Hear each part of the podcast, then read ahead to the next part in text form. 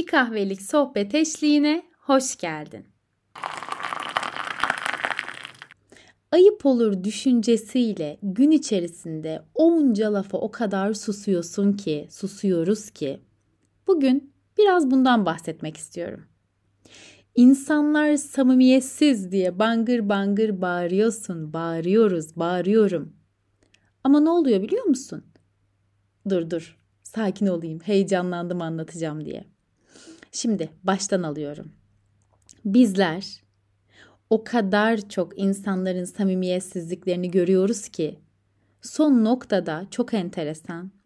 Aman şimdi ayıp olmasın, ayıp olur, ne gerek var düşüncesiyle de onca sese, onca söze susuyoruz. Kendimizi susmak zorundaymış gibi hissediyoruz. Şöyle düşün, söylemek istediğin bir şey var, düşündüğün bir şey var ama neyse deyip söylemiyorsun. Yani o an biri seni rahatsız ediyor ama rahatsız olmuyormuş gibi davranıyorsun ya da canın sıkkın ama canın sıkkın değilmiş gibi davranıyorsun. Yorgunsun, halin yok ama yorgun değilmiş gibi davranıyorsun. Kırılıyorsun ama kırılmamış gibi davranıyorsun. Bak ne yaptım? Hep sonuna mış eki koydum. Ama şimdi şurada bir anlaşmamız lazım.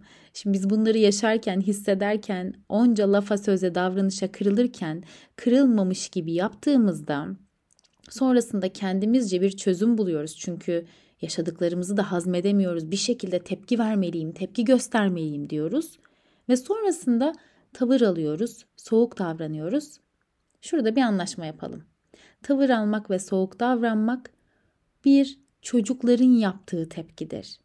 Çocukların biz yetişkinler kadar kelime dağarcığı olmadığı için bizler gibi duygu ve düşüncelerini aktaramıyor. Hoş, biz de yetişkin olsak da aslında duygu ve düşüncelerimizi aktarmakta zorluk yaşıyoruz. Tamam çocuklar tepkileriyle yani davranışlarıyla kendilerini ifade etmeye çalışıyor olabilir. Bunda bir problem yok. Ama biz neden tepkilerimizle anlatmaya çalışıyoruz ki?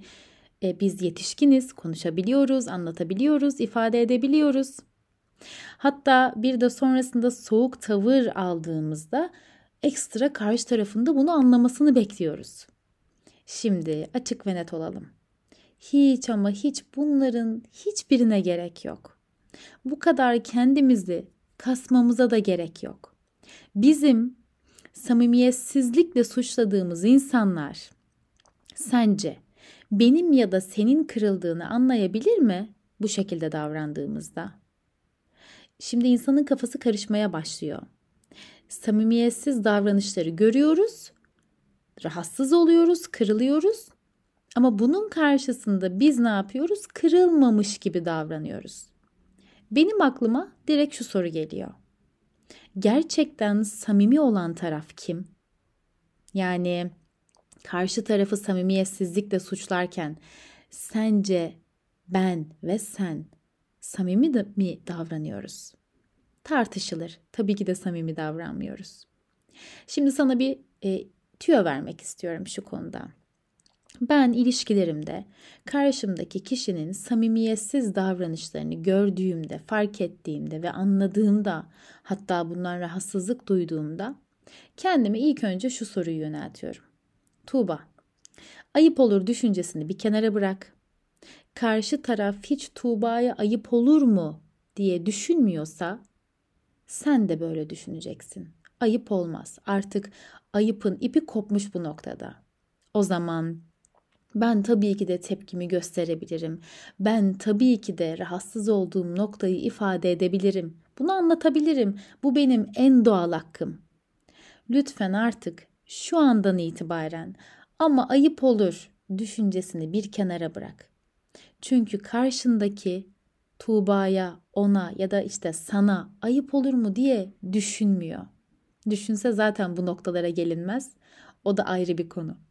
Beni dinlediğin için sana yürekten teşekkür ediyorum. Bir kahvelik sohbetin sonuna gelmiş bulunmaktayız. Bir sonraki bir kahvelik sohbetlerde görüşmek dileğiyle. Sevgiyle kal, hoşça kal.